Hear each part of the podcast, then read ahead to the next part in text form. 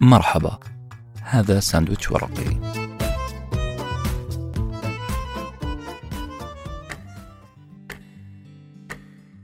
اعترف عزيزي المستمع. اعترفي عزيزتي المستمعة إنكم شكيتم هذه الشكوى من قبل. أنا ما عندي وقت. ما عندي وقت هي الجملة الأكثر تداولا بيننا بعد كلمة السلام عليكم وكيف الحال؟ لكن الحقيقة اللي راح نقولها أو يقولها كتاب اليوم تقول الوقت شمعة الجميع. لا الوقت دولاب ملابس الجميع. الكل بيرمي الخطأ على الوقت. ما عندي اعتراض إنه بعضنا مشغول أكثر من غيره لكن العبارة نفسها خطأ. أنت مو ما عندك وقت لأنك تمتلك نفس ال 24 ساعة اللي يمتلكها كل كائن يتنفس على الأرض. أنت تمتلك نفس ال 1400 دقيقة في اليوم اللي يمتلكها الجميع. المشكلة مو أنك ما تمتلك وقت المشكلة أنك فشلت في إدارة ال 24 ساعة في يومك. هذا كل ما في الأمر. والآننا نتمنى أن نستغل هذه ال 1400 دقيقة الاستغلال الأمثل. سأقوم أنا أنس بن حسين بتقديم مادة حول هذا الموضوع أو كتاب مصيدة الوقت. كتابنا اليوم هو The Time Trap أو مصيدة الوقت. كتاب قديم نوعا ما لكن المفاجأة أنه كل ما ذكرت اسم هذا الكتاب قدام شخص لا يبدو على هذا الشخص أي اهتمام أو معرفة سابقة كأنه هذا الكتاب لم يكن. بالطبع هذا الشيء أثار استغرابي فكمية التنظيم والتنسيق والمبادئ والخطط العملية المفصلة اللي احتواها الكتاب من المفترض أنها تجعله منهج دراسي. كلنا نكون درسناه منهج من 100 درجة والنجاح فيه من 99 درجة ما راح أرحم. 99 درجة ونص كمان. أكاد أقسم أنه لو تحول هذا الكتاب إلى منهج دراسي فإنه لن يقل أهمية عن الفيزياء والكيمياء. منهج كهذا راح يحول مجتمعنا لخلية نحل متصالحة مع نفسها ومع وقتها وتستغله بالشكل الأمثل. حيعرف الناس أين وكم ومتى يصرفون وقتهم وفي أي اتجاه. مؤلف الكتاب هو أليك ماكنزي متخصص في موضوع إدارة الوقت. الرجل صرف حياته في نقاش هذا الموضوع. متحدث في مؤتمرات عالمية وقد يكون. هذا واحد من عيوب الكتاب. كثير من الناس اشتكوا أن الحلول العملية اللي طرحها الكتاب هي حلول تناسب أصحاب الياقات البيضاء. ولما نقول أصحاب الياقات البيضاء أو الوايت كولر نقصد فيها أصحاب المهام والوظائف الإدارية العليا. الوظائف اللي يقدر فيها المدير يعمل تفويض صلاحيات يقدر يحل ويربط في العمل باختصار الكتاب يبدو أو يتهم بأنه لا يناسب الرجل والمرأة العادية زينا ما ينفع لي ولا ينفع لك. لكن ماذا لو؟ قلت لك إني جربت هذه الخطط ونجحت 90% منها. نجحت نسبيا بدرجة معينة وبتغييرات عملتها عشان تناسب ظروفي أنا تناسب عملي تناسب حياتي الشخصية. نعم الكتاب وفي أول صفحة صفحة الإهداء كتب أحدهم بخط رقعة جميل. إهداء بتاريخ 17 3 1427 هجري. 12 سنة وأنا أتحرك أخطط أعمل أرتاح بناء على معلومات قرأتها في كتاب جاني هدية. معلومات خزنتها في عقلي الباطن وأصبحت أعمل من خلالها. أمارس معظم مبادئ الكتاب بطريقة لا واعية مثل تتبع الممارسات ممارساتي الشخصية اللي قاعدة تضيع وقتي المشتتات بلا صح تعلمت على تكنيكات الرد على الهاتف تعلمت أني ألوم نفسي على ضياع الوقت لا ألوم أي شخص آخر. تعلمت أحدد أولوياتي أول بأول. تعلمت أتزحلق ما بين التفكير المنطقي المحدود والتفكير بعيد المدى والكبير والطموح. الكتاب هدية من السماء حتى وإن انتقده الكثير. الكتاب يعطيك أدوات مثل المقص والإبرة والخيط ويعرض عليك نموذج لثوب الحرية الجميل. عشان تفصل ثوبك بنفسك وتتحرر من ضغط الوقت ومن كابوس ضياعه أصدقائي نبدأ مع المصيدة الأولى اللي تحدث عنها الكاتب. المصيدة الأولى وسوسة شيطان. أول مصيدة تقع فيها عزيزي المستمع عزيزتي المستمعة هي مصيدة ينصبها لك الشيطان. نعم الشيطان نفسه. والشياطين كثر بصراحة. لكن أهم شيطان نبغى نتكلم عنه اليوم هو اللي يتربع داخل جمجمتك أنت. وجمجمتي أنا. شيطان يرتدي رداء المحب. وأنا هنا أعتذر لعقلي وأقول له أنا آسف يا عقلي إني سميتك شيطان. أحيانا تتعامل معي كشيطان. عقلي وعقلك لا يريدك أن تشعر بتأنيب ضمير.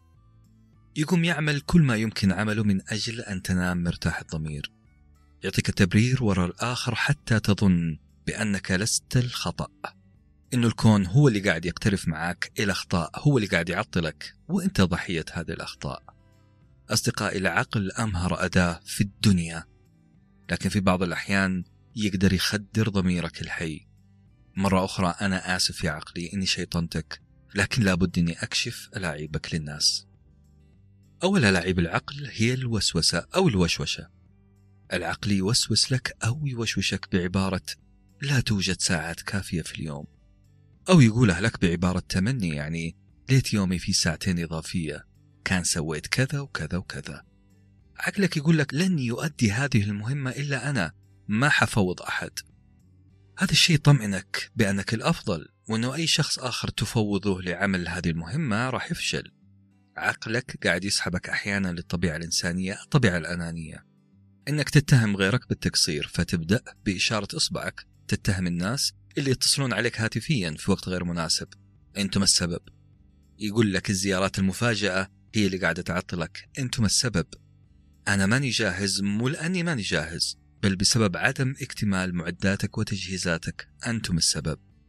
أصدقائي ناخذ مثلا الاتصالات.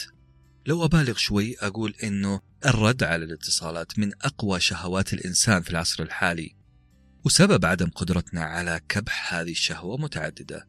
زي رقم واحد أنا أحس بالذنب إذا ما رديت على الشخص ما أبغى أكون غير مهذب مع الناس. لازم أرد لا يزعلون مني.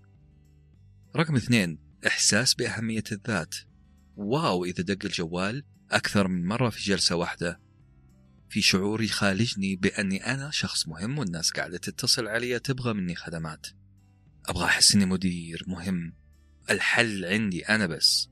لذلك أرد على التليفونات وأنتظر مكالمات من الجميع. الجميع يحتاجني وتلفوني لا يهدأ. النقطة الثالثة إحساس بأهمية الاتصال. أحيانا أتوقع أنه في الاتصال الفلاني هذا في خبر جميل أو خبر مهم بالنسبة لي. لازم أرد. رقم أربعة إحساس بالفضول. وأنا أكبر فضولي في العالم. نفسي أعرف ماذا يحمل المتصل سواء كانت صديق قريب أو زميل حتى. ماذا يحمل اتصاله من معلومات جديدة تثير فضولي؟ رقم خمسة إحساس بالفراغ. وهنا أنا فعلا أبغى أرد على الاتصال لأني فاضي ما عندي أي شغلة. أصدقائي كل هذه أسباب وفي أسباب أخرى أضعاف اللي ذكرناها المشكلة أنه عقلي الجميل وعقلك الجميل اللي قاعد يوسوس لك بالإحساس بالذنب بالفضول بالفراغ بأهميتك بأهمية الاتصال. بسبب هذا العقل حتكتشف أنه يومك ضاع. حيرجع يقنعك العقل بأنه مو أنت السبب مو الفضول مو الفراغ مو الذنب. السبب الناس. عشان كذا أول مهمة تهمك كإنسان يبغى يحافظ على وقته أنه يراقب بشكل يومي. هذا الشيطان. المصائد اللي يضعها الشيطان أمامك عشان تشعر بضمير مرتاح. بينما أنت اللي قاعد تسمح للجميع بإضاعة يومك. أصدقائي خلينا نشوف المصيدة الثانية. المصيدة الثانية هي النفس القصير. قبل فترة طويلة حضرت دورة عن التفكير السلبي. وكيف تتخلص من التفكير السلبي؟ وكيف تضع لنفسك جدول مهام وتنظم فيه يومك؟ كانت أيام مثالية بالنسبة لي. كنت أحس زي اللي يقول الإنجليزي I'm over the moon. أنا أعيش فوق سطح القمر من السعادة. العالم ألوانه زاهية. قلبي مليان نشاط. عقلي ينضح بالالتزام. وعندي قناعة كبيرة بأن حياتي القادمة الجديدة اللي خططها لنفسي حياة عظيمة لكن بعد ثاني أسبوع من الدورة رجعت لنفس السخط والتذمر. رجعت أعصابي توترت. أعصابي تفلت مني وعاداتي السيئة قاعدة تعود ببطء كأنها حية رقطاء من تحت العشب. بلا صح أنا وقعت في مصيدة العادات. أعتقد كلنا نقع في نفس المشكلة. إحنا نصعد أعلى درجة من الحماسة في أول أسبوع أو أول شهر ثم ننزل خطوة خطوة إلى أرضية الواقع والروتين القديم. يا جماعة للعادة جاذبية غير طبيعية العادة مغناطيس قوي ونحن حديدة. العادات انحفرت حفر في برمجة عقولنا لذلك إدخال روتين أو نظام جديد ما هو شيء سهل. هل تقدر عزيزي القائد وعزيزتي القائدة قائدة السيارة طبعا هل تقدر تتذكر لحظات تشغيلك للسيارة؟ لحظة تحويلك لناقل الحركة إلى وضع الدي مثلا. هل تتذكر أنك طالعت في المراية عشان تشوف السيارة اللي وراك؟ هذه أشياء ما تقدر تتذكرها. خطوات تحريك السيارة انطلاق بالسيارة محفورة في عقلك. هي أنت. والحل ببساطة هو تتبع عاداتك طيب عشان أشوف الخطأ في قيادتي للسيارة أو في الخطوات اللي عملتها إيش المفروض أسوي؟ لازم أتتبع هذه العادات خطوة بخطوة. لازم أفصلها عن ذاتي. هذه كانت المصيدة الثانية مصيدة العادة. انتبه لعاداتك راقبها وحنشوف بالتفصيل كيف ممكن نراقب عاداتنا خطوة بخطوة مع المصايد التالية. المصيدة الثالثة رجل اللحظة الأخيرة. لو قلت حاجة زي أنا ما أعرف أشتغل إلا تحت الضغط. هذه الجملة يقولها لي دائما أحد أقربائي يقول عن تجربة أنا ما أقدر أشتغل إلا وأنا تحت ضغط شديد. أنا لا أتقن العمل إلا إذا حسستني أنه ما عندي وقت كافي. أعمل بكل طاقتي وأنهي المهمة على أكمل وجه. أحب أقول لقريبي الحبيب كلامك صح وخطأ في نفس الوقت. نعم أنت أنهيت المهمة لكن أنا أعترض على كلمة أنت قلتها تقول أتقنت العمل. تسويف المهمة لآخر لحظة أنت بتعمل حاجة أنت بتجمع كل طاقاتك لإنهائها في الوقت المتبقي لك. لكن بسبب هذا الشيء أنت فقدت عاملين أو ثلاث عوامل مهمين. أنت فقدت التخطيط اللازم عشان تقدم أرقى النتائج. أنت فقدت الوقت اللازم لتصحيح بعض أخطاء التنفيذ. أنت فقدت الوقت عشان تضيف أفكار جديدة خلاقة للعمل المنشود. نعم يا صديقي. نعم يا قريبي. نعم يا صاحب العبارة. أنت أنجزت العمل في وقت قياسي لكن لم تنجزه بالشكل والأداء والفعالية الأفضل. الميصيدة الرابعة التطرف. بعد ما فهمت موضوع إدارة الوقت بدأت أنه حياتي فعلا قاعدة تتغير. لكن خلوني أفصل في كلمة تتغير. حياتي تتغير في بداية الأمر إلى تنظيم إلى إنجاز إلى فعالية. صحيح أنا وصلت لمرحلة إنجازات غير طبيعية الناس تحسدني عليها لكن بعد هذه الإنجازات بعد وقت من هذه الإنجازات وهذا التنظيم بدأت أحس أني في سجن كبير. أنا سجين لجدول أعمال لا أستطيع الخروج منها. كل حياتي مربوطة بديدلاينز أو مواعيد تسليم اختفت معها مباهج الحياة. حياتي صارت عبارة عن تواريخ وأرقام. بالضبط كأني بطل في لوحة سريالية والأرقام مصاصي دماء تحاول أن تنال مني. واحدة من مصائد الوقت والاهتمام المبالغ في إدارة الوقت. هيا حلوها معايا. عشان أحل لك الموضوع نقول إذا أخذت موضوع إدارة الوقت بتطرف راح يصير سجن وقيود. الموضوع ما هو سجن ولا قيود هذا مو المفترض يصير. لأنه من خلال تنظيمك تنظيمك العام لجدولك راح تلقى فراغات تقدر تستمتع فيها في حياتك. إدارة الوقت تعمل على حرمانك من الحرية المطلقة. الحرية المطلقة تجي من خلال النظام والانضباط. مرة ثانية. الحرية اللي إحنا ننشدها الحرية المقننة هي الحرية اللي تجيك من خلال النظام من خلال الانضباط. الجدول وظيفته مو بس يعبي لك كل يومك أعمال وإنجازات لا. وظيفته يوريك الفراغات اللي موجودة في الجدول عشان تستمتع بالحياة. خلونا نوضح أكثر هذا الشيء. إدارة الوقت موضوع ما يتعلق بعبادة النظام والتواريخ. بعضنا عندنا أعمال إبداعية خلاقة ما ينفع تسوي لي فيها تاريخ وتضغطني فيها في الوقت. إدارة الوقت ترتبط بصورة أصلية بنظام العمل بالأصح بالانضباط الذاتي. إدارة الوقت هي إدارة حياتك بصورة جيدة. إحنا راح نوفر لك الوقت اللي تمارس فيه إبداعك وأنت مرتاح بضمير. الفنانين يعيشون حالة قلق أحيانا بسبب عدم انضباط مواعيد نومهم أكلهم مثلا. يتشتتون ذهنيا بسبب إحساسهم في لحظة بأنهم فرطوا في جانب معين من حياتهم. زي العلاقات الاجتماعية مثلا. الشاهد إدارة الوقت راح تساعدك على الانضباط الذاتي. الانضباط الذاتي ما هو عدو للإبداع بل هو ركن من أركانه كشاف لأماكن ممكن تبدع فيها. لذلك نقدر نقول الخطأ الأساسي في مفهوم إدارة الوقت في التسمية نفسها. الموضوع ما هو إدارة وقت؟ بل هي إدارة لذاتك هي انضباط للذات. أصدقائي فهمنا من كل ما سبق التالي. في مصائد عدة في طريقك لإدارة حياتك. هذه المصائد تختفي تحت العشب وإحنا في طريقنا نحو الحرية والإنجاز. أهم هذه المصائد اللي تختفي تحت العشب هو حديث الذات السلبي عودتنا السريعة للعادات السيئة انطفاء الحماس عدم القناعة بأهمية إدارة الوقت. أو بالأصح إدارة الذات. وأخيرا فهمنا الخاطئ والسجان لمفهوم إدارة الوقت. الآن سؤالي لكم هل الهدف الرئيسي من إدارة الوقت هو الحصول على المزيد من الوقت؟ لا مو الهدف الرئيسي. الهدف الأساسي هو تقليل الإجهاد عليك من جراء كثرة الأعمال. إدارة الذات أو إدارة الوقت هي محاولة إيجاد التوازن في حياتك عشان ترفع إنتاجيتك عشان تحقق أهدافك. خلونا نبدأ مع مسألة تقليل الإجهاد. هذه مسألة في غاية الخطورة والآن راح أقول لكم ليه. المصيدة الخامسة. مغالطة دعني فأنا سعيد. أصدقائي المستمعين والمستمعات عارفين طريقة تعاملنا مع المهام والمشاريع كيف؟ عارفين 99% من البشر كيف تدير حياتها؟ تديرها بالطريقة التالية. احصر نفسك في مدة قصيرة. حاول إنك تعمل بكل جهد. لا بأس من أخذ بعض القرارات الارتجالية. الأهم أن تنهي المهمة في الوقت المحدد. دعني فأنا سعيد بهذا النظام. خلينا نضرب مثال. أنت كشخص قرر أنه يمتلك أسنان بيضاء لامعة صحية نظيفة. حيمسك بالفرشة ويبدأ ينظف أسنانه لمدة ساعة ساعتين. أوكي بحط مجهود كبير في تنظيف الأسنان.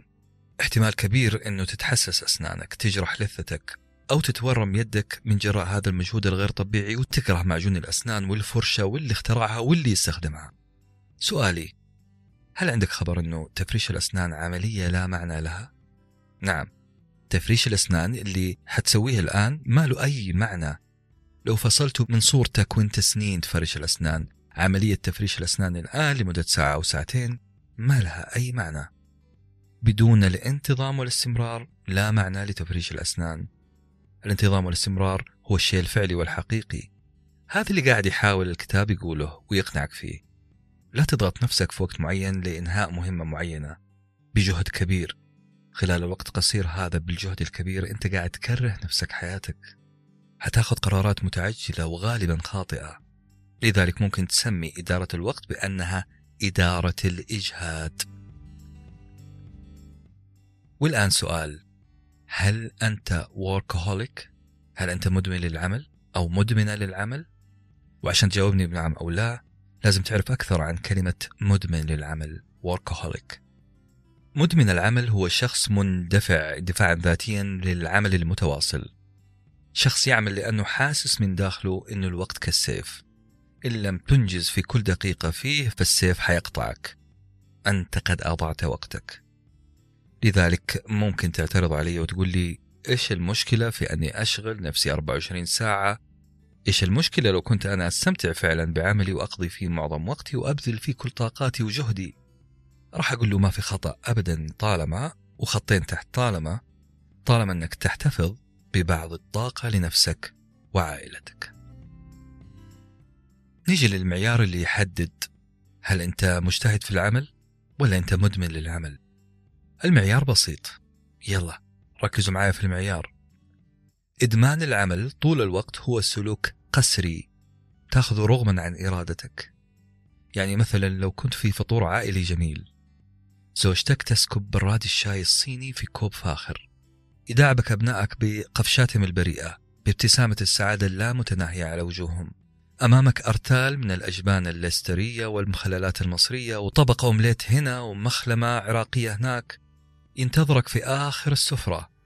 طبق البغرير أو البانكيك المغربي عشان تحلي بعد هذه الوجبة بالعربي. الدنيا عندك ربيع والجو بديع لكن تجد نفسك وبعضلات لا إرادية رجلينك تحركت في توتر. قاعد تحاول تنتهي من هذا الاجتماع الجميل. عشان تنطلق للمكتب أو اللابتوب وتنهي مهمة تؤكد لنفسك فيها بأنها لا تحتمل التأجيل. هل تكرر عليك مثل هذا الموقف؟ إذا نعم مبروك عليك يا ووركوهوليك أنت مدمن للعمل. أنت تعمل لا بيدك بل بيد عمرو. عمرو دائما هو الملام وأقصد بعمرو أنه هو السبب اللي خلاك مشغول جدا. نعم عمرو له ألف وجه وجه قد يكون سبب إدمانك للعمل أو عمرو هو الهرب من مشاكل شخصية. أنت ما تجد متعة في البيت ما تستمتع في الإجازة ما عندك هوايات ما في أصدقاء مقربين تسمر معهم سمرات بريئة ونص بريئة. ممكن تهرب أو تهربين من مشاكل زوجية في البيت. ممكن عندك حاجة مفرطة للإحساس بالأهمية والسيطرة على حياتك. نعم عمرو له ألف وجه. لذلك أنا وأنت وأنتي نهرب من وقت الفراغ القاتل. القاتل بالنسبة لك واللي المفروض يكون وقت فراغ تستمتع فيه بهواياتك بحياتك. المفروض يكون أسعد الأوقات. العمل عندك تحول إلى ملاذ للهرب كهف بالأصح. وهذا الشيء مؤلم. هذه الحقيقة مؤلمة. إن كانت هي الحقيقة بالنسبة لك. إذا ما انطبق عليك الكلام أقول لك الحمد لله. أنت في خير كبير. لكن لا تهرب مني تعال. عندي لك اختبار سريع مجموعة أسئلة. سؤال ورا الثاني. كل إجابة نعم تقولها على أسئلتي معناها أنك قاعد تقرب من إدمان العمل. موافقين؟ يلا بسم الله. سؤال رقم واحد. هل تصحى بدري من النوم مهما سهرت الليلة اللي قبلها؟ نعم. أهلا وسهلا. السؤال الثاني. هل تأكل الغداء وحداني؟ ثلاثة. هل تقرأ الجريدة أو تقرأ كتاب دراسي مثلا؟ وانت قاعد تتغدى؟ هل تقدر تشتغل في كل وقت ومكان؟ هل تجد صعوبة في أنك تأخذ إجازة من عملك؟ هل تخاف من التقاعد؟ هذه مجموعة أسئلة وفي غيرها كثير إذا جاوبت على معظم الأسئلة بنعم فأرجوك روح لطبيب الوركهوليك لأنه خطر جدا أنه كل حياتك تركيز على العمل لا على نتائج العمل الآن ركز معايا في هذا المعيار ركزوا لي تماما. الأخطر والأخطر والأخطر من كل شيء إنك تميل على التركيز في عمل دؤوب ولساعات في أقل الأعمال إنتاجية عمل إنتاجيته ضعيفة تصرف فيه كل طاقاتك وكل وقتك وكل جهدك. كأنك تداهم مزرعة رمان ضخمة في نيتك تجني المحصول. لكنك انشغلت في قص الحشائش حول شجر الرمان. والسبب أنه منظر هذا الحشائش ما عجبك أنت صرفت معظم جهدك ووقتك في مهمة لا تعطيك نتائج وتركت العمل المهم بلا أي جهد. المصيدة السادسة معضلة الإنتاجية. واحد من أهم الأسباب اللي تخليك ما تحترم الوقت أو بعبارة ألطف إنك تتعامل مع الوقت بشكل أقل التزاما هو إنك ما أنت فاهم ما هي الإنتاجية وما دور الوقت فيها. راح أقول لكم قصة قصيرة جدا عن اليابان قد تفي بالغرض. مؤلف كتاب مصيدة الوقت يقول ظهور اليابان في ساحة أو ملعب الصناعة العالمية كان أكبر كابوس يواجهنا نحن الأمريكان. اليابان استطاعت أن تقلص مستويات الإدارة إلى خمس مستويات. بينما نحن في أمريكا نمتلك 11 مستوى. عشان تنتج في الإدارة في أمريكا 11 مستوى في اليابان خمس مستويات فقط. إيش معنى هذا الكلام؟ وما علاقته بالوقت. تخيل أنك ياباني وعندك خمس عمال. كل واحد منهم يقوم بمهمة معينة عشان تتركب طاولة آيكيا الجديدة اللي اشتريتها مؤخرا. خمسة عمال فقط الأول يفك الكرتون الثاني يرتب القطع الثالث يشرح مانيوال التركيب الرابع يركب القطع الخامس يشد المسامير ومبروك عليك جلسة الشاي اللذيذ فوق الطاولة. الموضوع أخذ خمس دقائق يمكن أو أقل. لكن لو كنت في أمريكا عندك 11 عامل 11 شخص كل واحد حياخذ دقيقة ويمكن أكثر. الطاولة حتاخذ وقت تركيب أطول وجهد أكثر ومصاريف أكثر. مستويات الإدارة اليابانية عملت جاهدة على الإدارة والإنتاجية ووفرت مستويات مترهلة وفرت أفراد وفرت وقت. وطبعا خفضت سعر منتجها والجودة كما هي. طيب السؤال هنا أنا كفرد كيف أحسب الإنتاجية؟ خلينا نسويها في معادلة سهلة. احفظها معايا. الإنتاجية تساوي الناتج على الداخل. الإنتاجية تساوي الناتج على الداخل يعني لو أنت مدير فريق لصناعة محتوى مثلا. احسب معايا. فريقك حيكتب مية مقال في غضون عشرين ساعة. المية هي الناتج على الوقت الداخل اللي هو عشرين مية على عشرين يعني خمسة. إنتاجيتك تساوي خمسة. طب لو جاني منافس صانع محتوى آخر فريق لصناعة المحتوى آخر وهددني وقال أنا أقدر أنتج محتوى بسعر أقل إيش المفروض أسوي؟ عندي حل من اثنين. يا إني أرفع الإنتاجية ويبقى نفس عدد الساعات أو أبقي على الإنتاجية نفسها وأخفض من عدد الساعات. خلينا نشوف الطريقة الأولى. أرفع الإنتاجية. يعني بدل 100 مقال لازم تكتبون يا فريقي 200 مقال. في 20 ساعة برضو.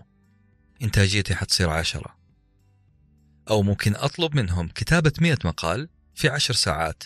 إنتاجيتي 10 بكذا أنا إنتاجيتي قفزت من خمسة في الحالة الأولى إلى عشرة في الحالة الثانية وهذا رقم مو سهل هذا الرقم ممكن يخليك تقتل المنافسة. لذلك حساب الإنتاجية أمر مو سهل ممكن يتبادر إلى ذهنك سؤال عزيزي المستمع والمستمعة. أنا مالي ومال الإنتاجية. أنا مالي ومال الحسابات والمعادلات. أنا فرد. عندي 24 ساعة. أنا أعاني من عدم توفر وقت لي. ليش تدخلني في كل هذه الزحمة الرقمية؟ الجواب أصدقائي وبكل هدوء. إحنا اتفقنا أنه الإنتاجية لابد أن نرفعها لأننا بذلك سننجز بالطريقة الصحيحة في المدة الصحيحة. معظم معلومات هذا الكتاب توضح لك كيف تقدر تتخلص من مبددات الوقت. كيف تقدر تقلل وقتك عشان الإنتاجية تزيد. إذا تخلصت من مبددات الوقت أنت حتجد وقت كافي لرفع الإنتاجية. أنت حتسوي زي المدير الياباني. الترهل في مصنع إنتاجك سيختفي. مستويات الإدارة حتقل. الأهم أنت حتسيطر كليا على حياتك بالطريقة اللي تعيش فيها حياتك. الكتاب باختصار يقول اعرف مبددات الوقت. قيس وقتك الضايع. ضع أهداف ثم وسائل لتحسين الوضع. وأخيرا ضع أدوات قياس الوضع الجديد. ما راح أتكلم كثير عن هذه النقطة راح أتركها لكم خلال قراءتكم الكتاب بالورقة والقلم. حتقدر تقلل من وقتك ترفع من مستوى إنتاجيتك. المصيدة السابعة. شبح لا يرى. أصدقائي نيجي الآن لأجمل ما في الكتاب ويمكن يكون أصعب ما في حياتي وحياتك. كيف أقدر أصيد شبح ما أقدر أشوفه؟ الوقت المهدر هو شيء أنا ماني قادر أشوفه ولا قادر أنتبه له. الجواب في كلمة أدبية بسيطة في لب التشكي تكمن الإجابة. في وسط شكوتك يوجد حل المشكلة أنت تحتاج أنك تنتبه للوقت الضائع من خلال تتبع وقتك كله. هنا أتذكر أنا حادثة حصلت لي من سنين. كنت لا أزال في بداية حياتي المهنية. كنت أعود للبيت غاضب جدا. كان في شجارات كثيرة في رأسي. أفكار تتلاطم كأمواج محيط غاضب. أحاول أنام لكن هذا الصراخ في راسي مو راضي يريحني. أبطل من النوم أحاول أكمل سهرتي لكن جسدي منهك روحي مهترئة ما أقدر أسهر. مرة ثانية بداية عملي كانت كابوس. إلى أن حضرت دورة تطويرية والدورة هذه غصب عني حضرتها. المدرب طلب فيها أننا نستخدم التدوين. نعم تدوين كل ما يدور في رؤوسنا. إذا شعرت يوم أنك زعلان غاضب قلق محبط أكتب. وكنت أكتب فعلا ولا أعلم ما هو السبب. محاولات التدوين هذه ما نجحت لا في المرة الأولى ولا الثانية ولا الثالثة ولا الرابعة يمكن الخامسة. في ذيك اللحظة وقفت عن محاولة تحليل المشكلة في عقلي. تركت لنفسي الحرية في كتابة أحداث اليوم بسلاسة على الورقة ثم وجدت المفاجأة. المفاجأة هي أني وأنا أكتب أحداث حياتي. يومياتي أو ذكريات قديمة ما أدري ليه استحضرت قصة حصلت معي أول أيام عملي الرسمي قصة نزولي إلى مكتب أحد الزملاء في الدور الأرضي هذا الرجل قاعد يتحدث عن موضوع حيوي في حياة الشعوب موضوع البيت هل امتلكت بيت؟ هل تنوي امتلاك بيت والدخول في عالم القروض؟ هل فكرت أصلا في امتلاك بيت؟ بعد كذا بدأ الحوار بين الزملاء يحتد ويتفرع عن صعوبة شراء أراضي صعوبة التعمير ارتفاع أسعار الحديد و و و. أتذكر تماما أن الحوار ما تجاوز خمس دقائق لكنه كان مفعم بغاز مسموم نوعا ما لأنه يحمل صيغة تشاؤمية. الأغرب أني وأنا قاعد أكتب هذه القصص على الورقة. جاني ضيق نفس. شعور غير جميل. خلاني أغمض عيني لما تذكرت الوجوه التي كانت تتجالد وتيأس في بعضها البعض. في تلك اللحظة وتلك اللحظة فقط اكتشفت أني كنت في شدة الضيق والقلق أثناء الحوار. من خلال التأمل من خلال استعادة هذه الذكريات وكتابتها على ورق والقصص المشابهة الأخرى اكتشفت أنه تكرار هذا الحوار يوميا كان يسبب لي إحباط كبير. قلق غير مبرر لكنه حاصل فعلا. التدوين المستمر علمني عن نفسي الكثير. بلا صح علمني عن محبطات ومشتتات يومي وليلتي. تخيلوا أصدقائي لو ما دونت هذه القصص. كان تركت المجال لشبح الإحباط يجول في أرجاء حياتي ولا عندي أي طاقة أو وسيلة لاصطياده لأنه متخفي. نفس الشيء وقتك الضايع. هو شبح يلبس ثوب حياة عادية. ما حتقدر تكتشف فين ضاع يومك من دون إنجاز. الكتاب قدم لك وسيلة سهلة لتتبع وقتك. اسمها time tracking هذه الورقة ال A4 اللي حتتبع فيها وقتك ويومك أشبه بشاشة تتبع اللي تعرف من خلالها فين شحنتك وصلت. الشحنة اللي اشتريتها من أمازون مثلا أو نونا أو أيا كان. راح تتبع وين وصلت هذه البضاعة. أنت نفس الشيء. حتتبع أين وصلت نفسيتك. أين ذهب وقتك؟ وماذا فعلت في هذا الوقت؟ إذا تتبعت خطواتك البريئة اللي أخذتك من مكتبك لمكتب زميلك عشان تقضي معاه خمس دقائق فتجدها وصلت ل 45 دقيقة مليئة بالكلام السلبي أو كلام عن الكورة مثلا أو الفن. فأنت حتعرف حتشوف بعينك أين ضاع يومك. لما تتبع يومك وتلقى أن التليفون قطع حبل أفكارك وسحبك لمجموعة مهام ثانوية ضيعت ساعة من يومك. حتكتشف من خلال هذا الجدول إنه ثلاث أرباع يومك راح في أنشطة من الدرجة الخامسة. شيء مو مهم بالنسبة لك. أنشطة ما تخدم أهدافك. المهم والأهم هنا إنك حتكتشف هذه الثقوب السوداء اللي ابتلعت نجوم يومك. صديقي المستمع والمستمعة أنت لا تحتاج أن تشعل الشموع وتغلق الأبواب وتمارس اليوغا. ما تحتاج تعمل وضعية الإكليل أو المحارب الأول عشان تبدأ في تتبع وقتك. أبدا أنت تحتاج بس أسبوع وأنت في نفس مكانك وبنفس روتينك. هدفك اصطياد كيف يمتلئ روتينك بالمشتتات. أنت تحتاج قلم وورقة A4 هذه الورقة عليها جدول من خمس خانات. هذا الجدول هو السجل سير الوقت. تكتب في الخانة الأولى في العمود الأول الوقت اللي بدأت فيه أي نشاط مفيد أو غير مفيد.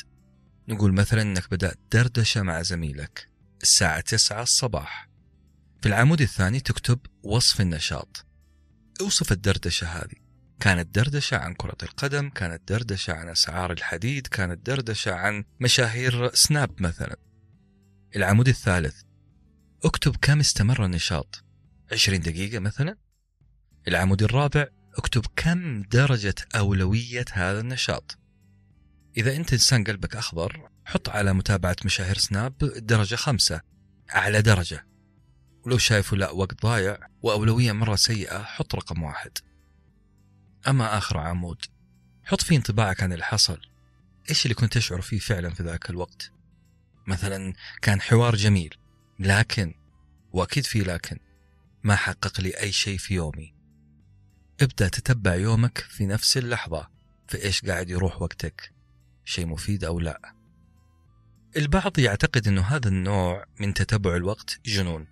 هل أقضي حياتي كلها وأنا أتبع حياتي؟ كأني شخص يتمرن عشرين ساعة على الحديد في الجيم عشان يستمتع بصحة جيدة وجسم جميل.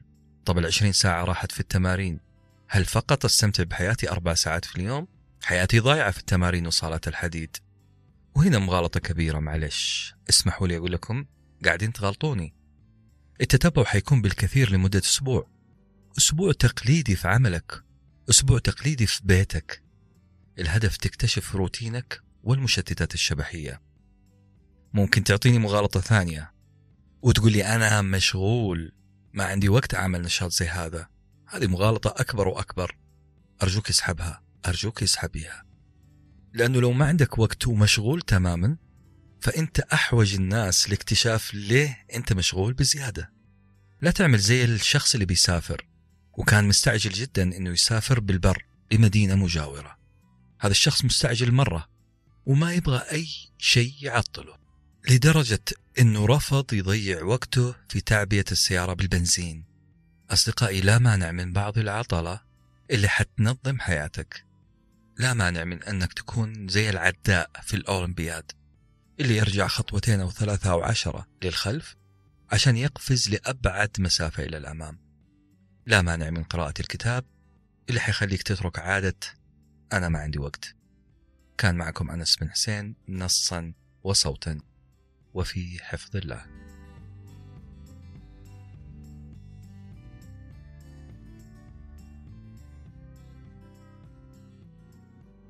كنتم مع ساندويتش ورقي وجبة معرفية نتشارك لذتها.